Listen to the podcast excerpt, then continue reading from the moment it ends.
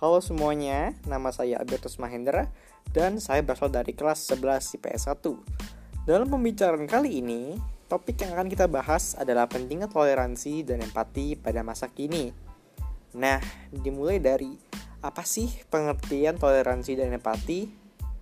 Toleransi adalah sikap menghargai pendapat atau pemikiran orang lain yang berbeda dengan kita serta saling tolong menolong antar sesama atau hidup berdampingan tanpa memandang suku, ras, agama, dan antar golongan. Dan sedangkan empati adalah kemampuan untuk memahami apa yang dirasakan orang lain, melihat dari sudut pandang orang tersebut, dan juga membayangkan diri sendiri berada di posisi orang tersebut. Nah, selanjutnya sekarang kita akan lanjut ke pentingnya toleransi dan empati pada masa kini. Di Indonesia, sikap toleransi sangat dijunjung tinggi walaupun masih ada beberapa orang yang minim akan toleransi. Padahal toleransi inilah yang menjadi kunci perdamaian bagi masyarakat Indonesia. Dengan adanya sikap toleransi, konflik dan perpecahan antara individu maupun kelompok tidak akan terjadi.